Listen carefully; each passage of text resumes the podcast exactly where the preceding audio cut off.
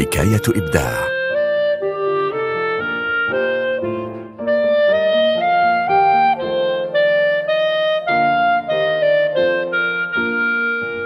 أمتلك متسعا من الضوء لأخوض ركام العتمة وهلاك الضياع.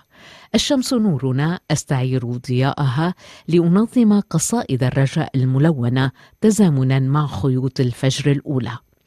كلمات الفنان التشكيلي مارون حكيم هذه تسمح للخيال بتصور الانطباعات الأولى عن لوحات معرضه الجديد في جاليري إسكيب في بيروت معرض يحمل عنوان مضيء وجه الأرض.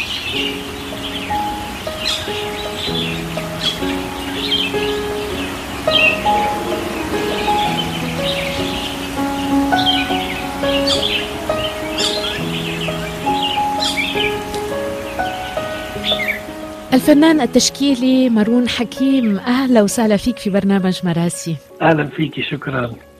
إذا نحن معا اليوم للحديث عن معرض لك يقام في gallery Escape في بيروت معرض يحمل عنوان جميل جدا منير وجه الأرض Radiant Land وهذا ينطلق أيضا من طبعك ومن شخصيتك ومن نفسيتك أيضا. أنت تنظر دائما وبالرغم من كل الصعاب ومن كل العتمة المحيطة بك تنطلق دائما من الشمس تنطلق دائما من هذا الضوء. بداية كلمة عن هذا المعرض وننطلق من العنوان.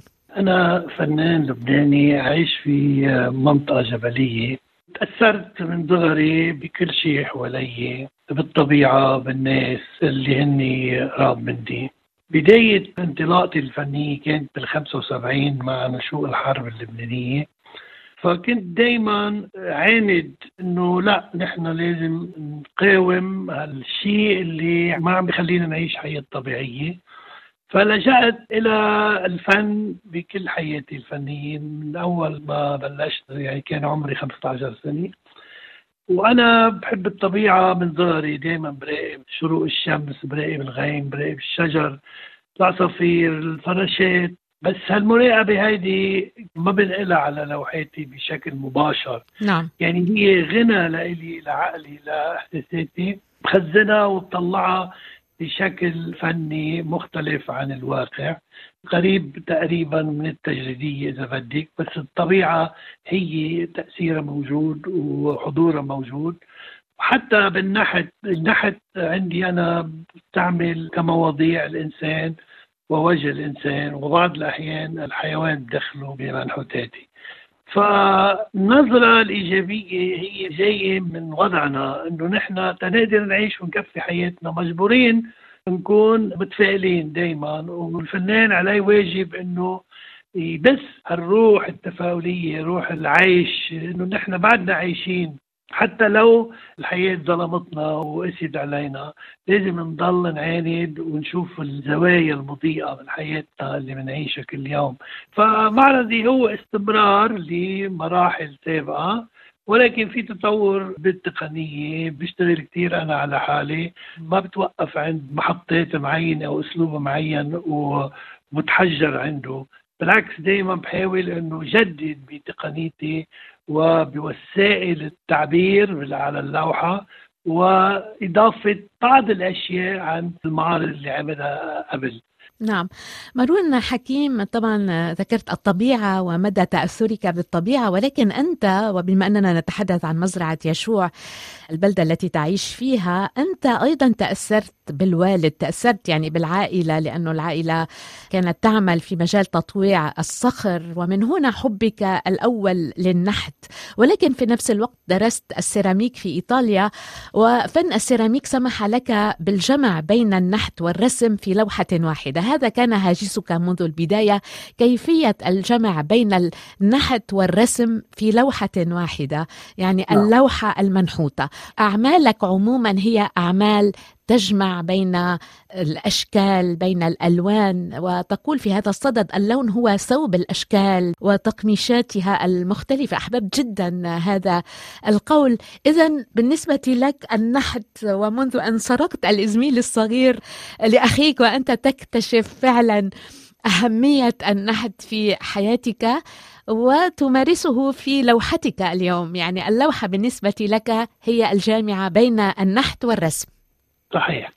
دائما الطفولة هي النبع الأساسي بحياة أي إنسان وخاصة الفنان بيتأثر بكل شيء حواليه الوالد وأخوتي اشتغلوا بكار العمار كانوا يعني ينحتوا القناطر وينحتوا العواميد ويقصبوا الصخور ويعمروا فيلات وبيوت. فأنا من أنا الولد الاصغر في عائله 2011 شخص ثلاث بنات واثنين شباب. فكان هيدا تأثير كثير مباشر علي إنه أنا أشوف النحاتين البدائيين اللي اللي بيعملوا إشياء من الصخر الأصم بيجيبوه بيكسروه بيرجعوا بينحتوه. هيدا كان شغلة كثير مهمة عندي وجربت إنه أعمل مثل إخوتي ولكن ما قدرت أعمل مثلهم اتجهت نحو الشكل يعني مش نحو البناء. صرت أعمل أشياء بدائية تقريبا أنحتها بالبداية. وحدي بدون أي معرفة عن الفن كان عمري عشر سنين يعني. نعم. فهالشغف إنه الواحد يفوت بقلب الصخر ويقدر يعمل منه أشكال حلوة؟ شغلة رهيبة يعني وصعبة. مش كل إنسان بيقدر يتخطاها. ولكن الظروف المعيشيه تبعي هي اللي خلتني بلش بالنحت بالصخر.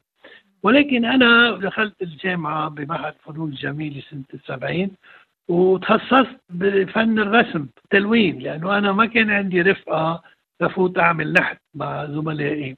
وبالعالم كله النحاتين قليل فتفرغت كليا لدراسة اللون ومتابعة شغلي المنفرد وحدي بالنحت. فهالشيء عمل عندي نوع من حيرة أو تساؤلات إنه كيف أنا بدي أكون ملون أو أنا نحات بعالج المادة الصلبة أو الخشب أو الحديد.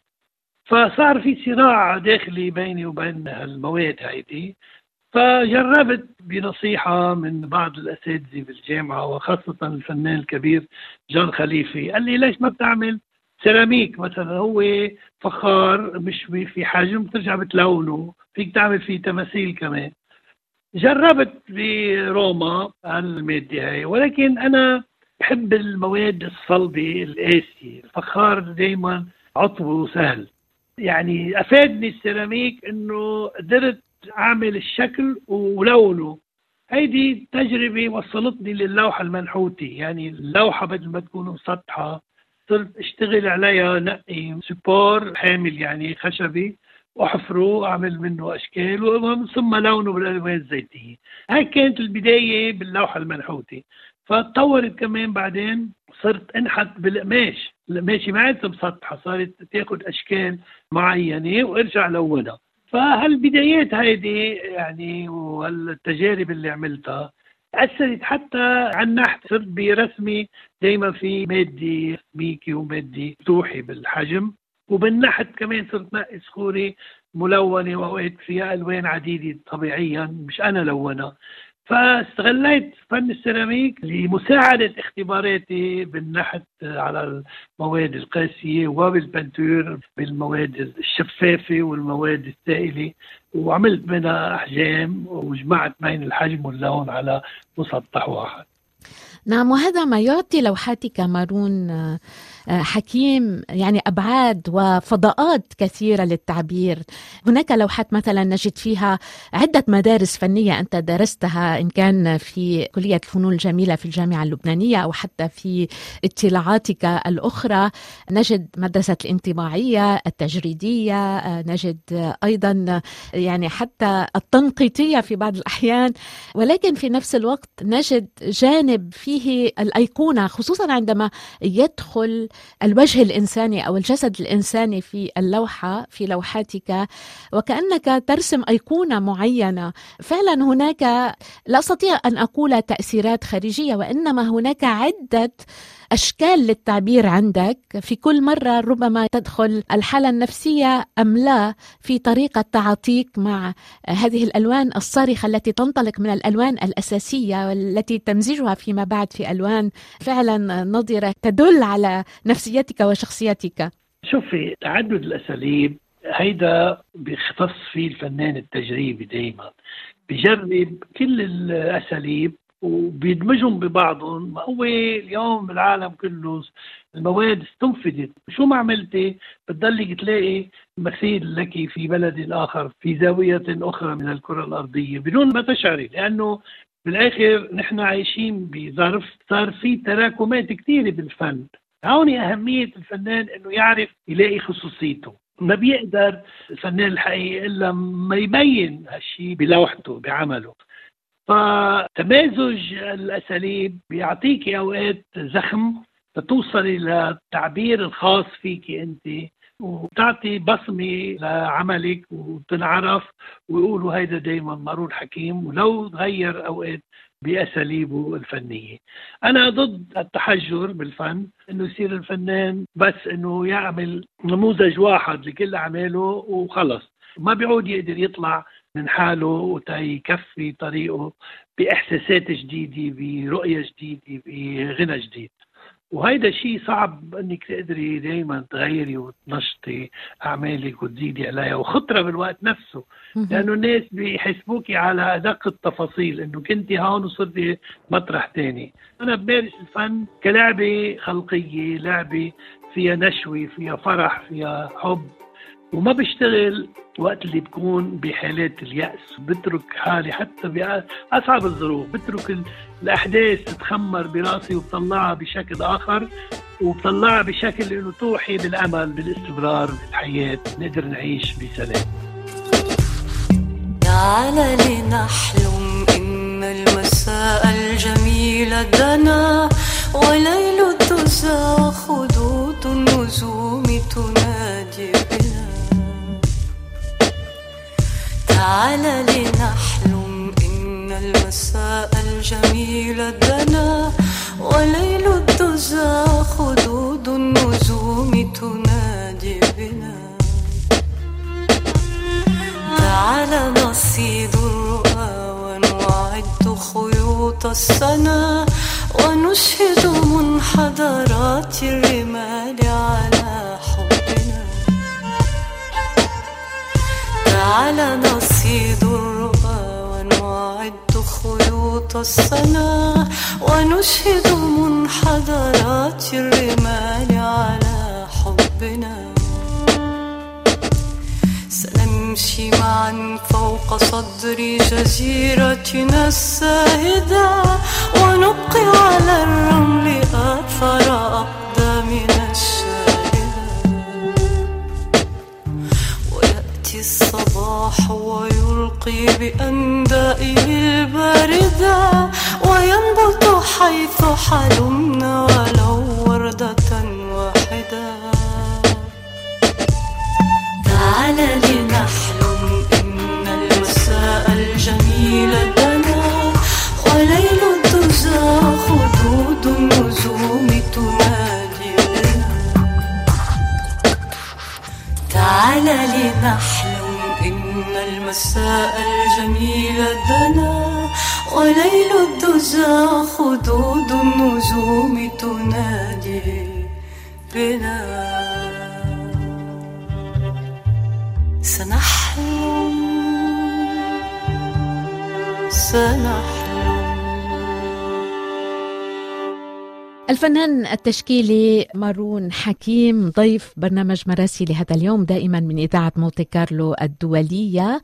آه، مارون حكيم يقدم معرض يحمل عنوان منير وجه الأرض في جاليري اسكيب في بيروت. مارون تقول شيء لفت نظري بشكل خاص. تقول بأنه الفن الحقيقي إلى جانب تأثره طبعا بالمشاعر والأحاسيس هو غير قابل للعيش خارج الرؤية العقلية يعني تذهب بالاتجاه المعاكس للعديد من الفنانين التشكيليين الذين يقولون بأن الفن هو بالدرجة الأولى كتلة أحاسيس ومشاعر فقط لا غير. وتقول أيضا شيء أعجبني هندسة القلب والروح والعاطفة والوجدان لن تصل مبتغاها الجوهري خارج هندسة العقل. شوفي العمل بينقسم عندي إلى قسمين العمل ببلش بشكل عفوي في كثير من المشاعر والأحاسيس. ولكن اللمسات الأخيرة للعمل السحر اللي بيضوي واللي بيعطي شخصيتك وبيعطي أسلوبك الخاص هيدا بده هندسي بده لعبة معلم شاطر يعرف كيف ينهي لوحة. لأنه اللوحة بضربة واحدة بتصير لوحة غير شكل وبضربة واحدة بتنتزع. نعم.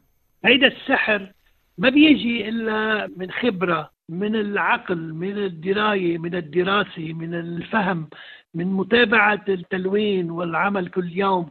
هذا اللي بقصده إنه العقل هو بيتدخل باللمسات الأخيرة إذا بدك وأنا بصير ناقد لعملي أكثر من أي شخص آخر لأنه بس تنتهي اللوحة.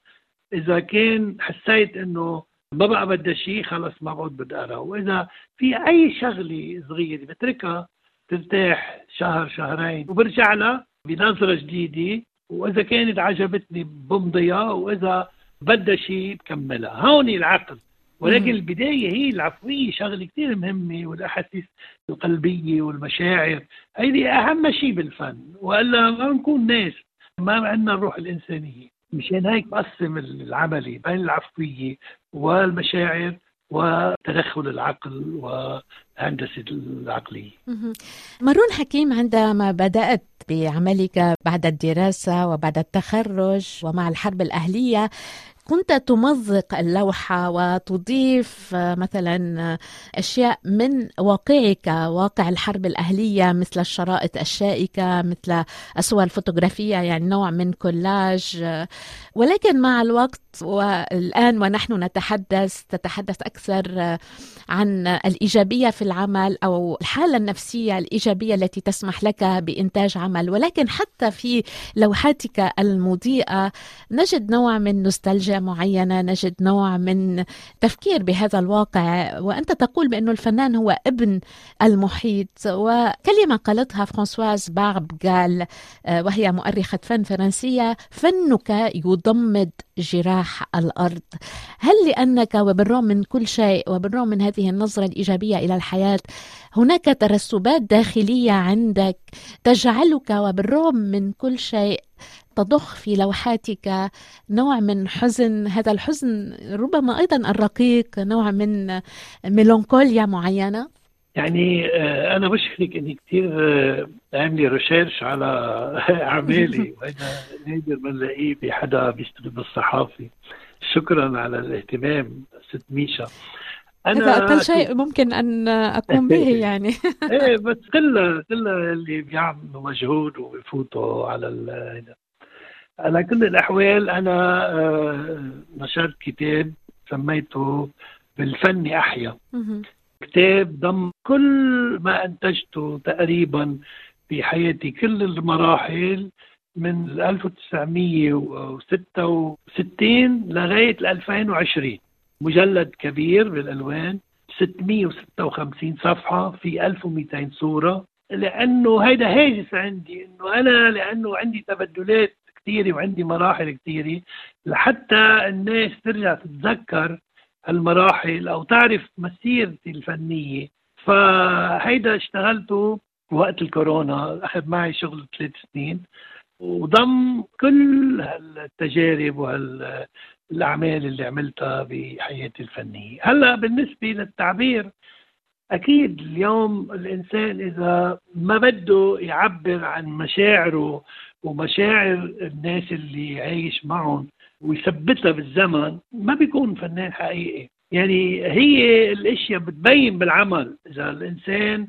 فرح أو عم بيجرب يخلي الناس تفرح إذا بدك. وفي مشحة من الحزن أو في مشحة من القهر أو الاذلال لشعبنا اللي عم بيعيش فيه المنطقة هون كله.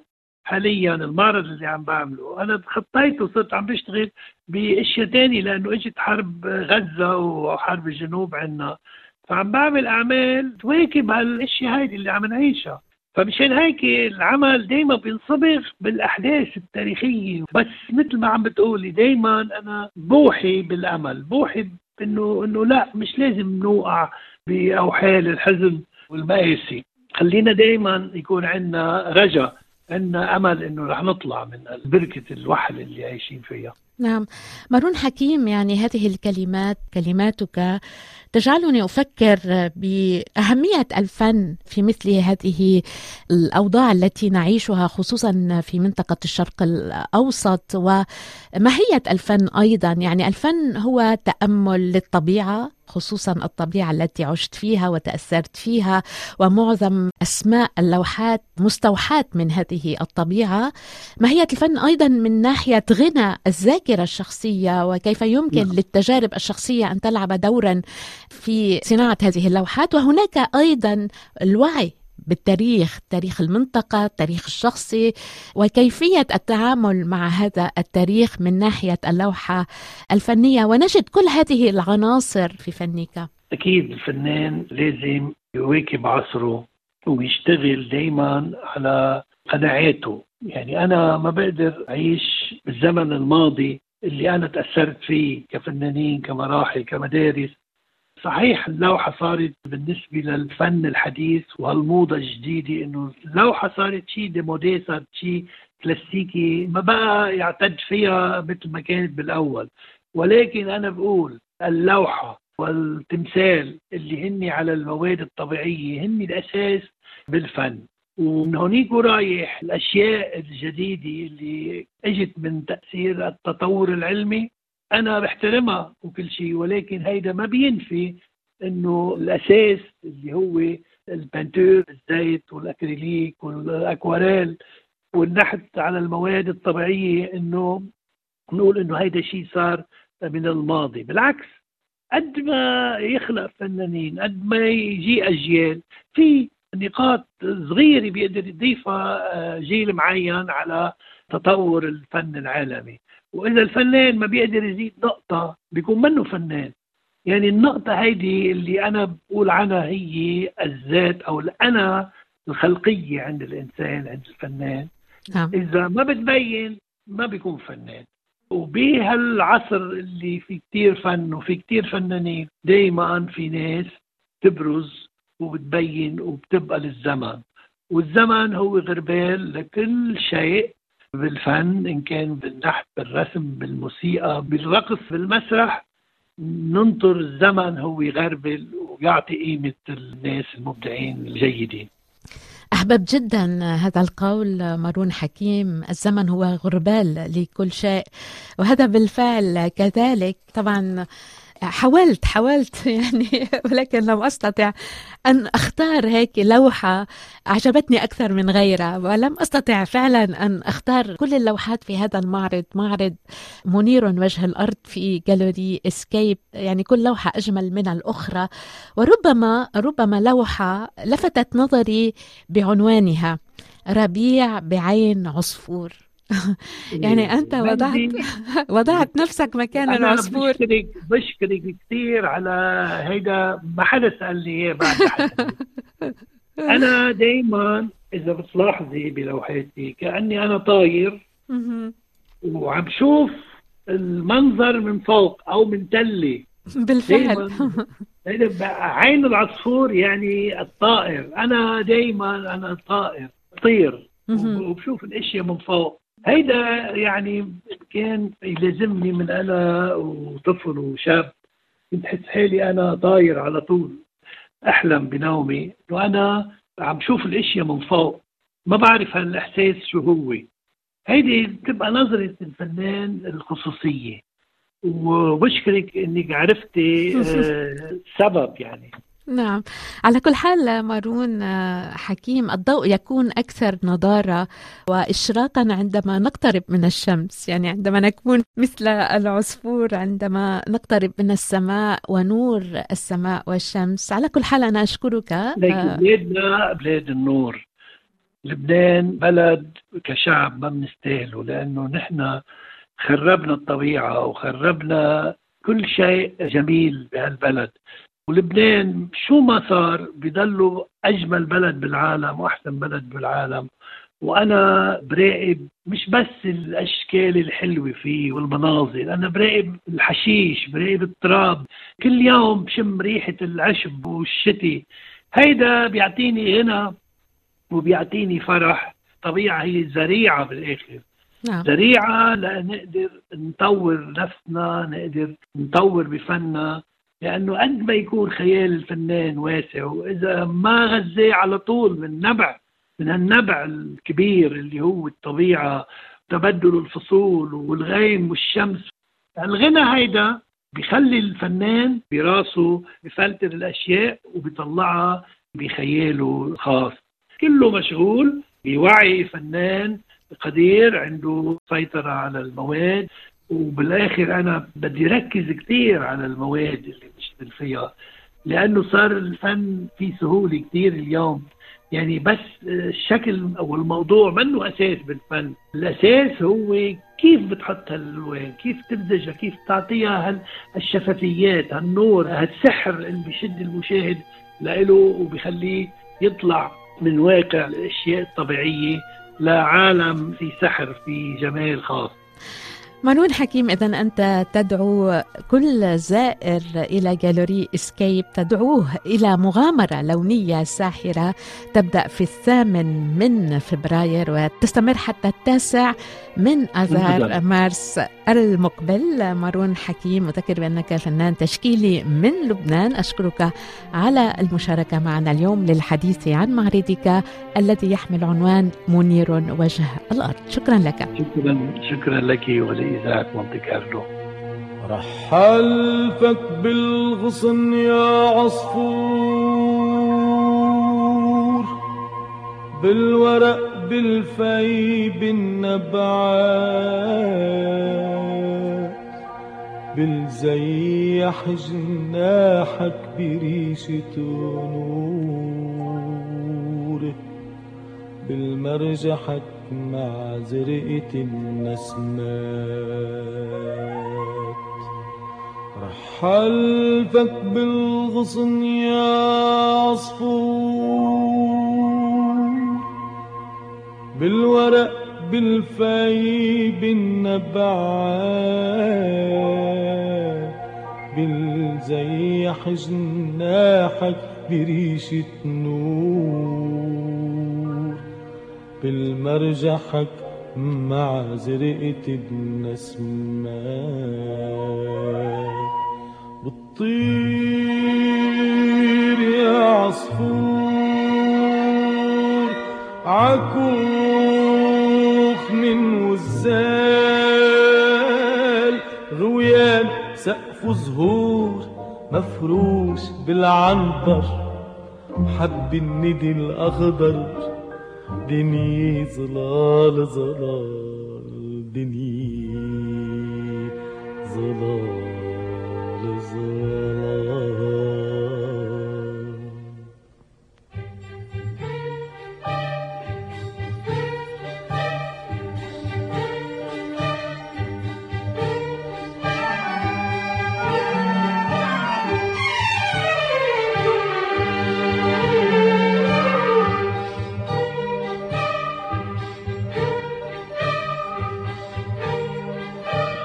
تقشع عريشي وباب بفيتا مزوي تقشع عريشي وباب بفيتا مزوي وحلوي بإيدك تاب سلم على الحلوي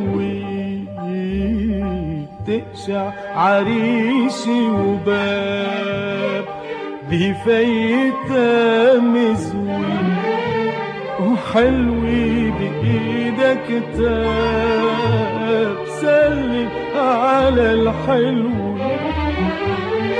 ونهديت رياحك بتمرمغ جناحك عالسطح عالحيطان عتياب مدري. عالبسط عالقمصان عاكل شي خزق عالمقعد الأزرق على قمر السكران اللي بذكرها فيه آه فيه بذكرها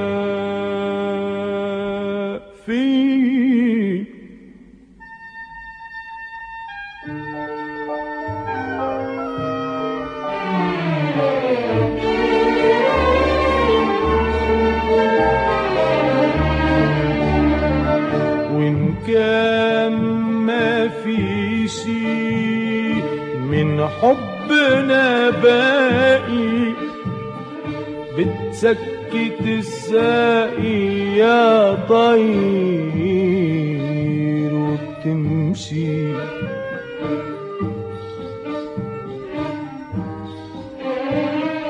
وإن كان ما في شي من حبنا باقي بتسكت الساقي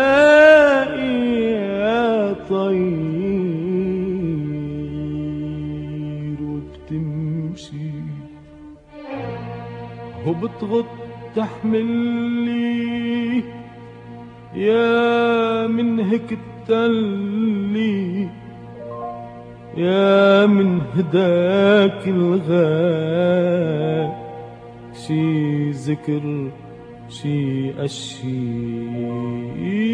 ومن خرطشة ايديها من تحت إجريها. شي نقتين تراب. شي نقتين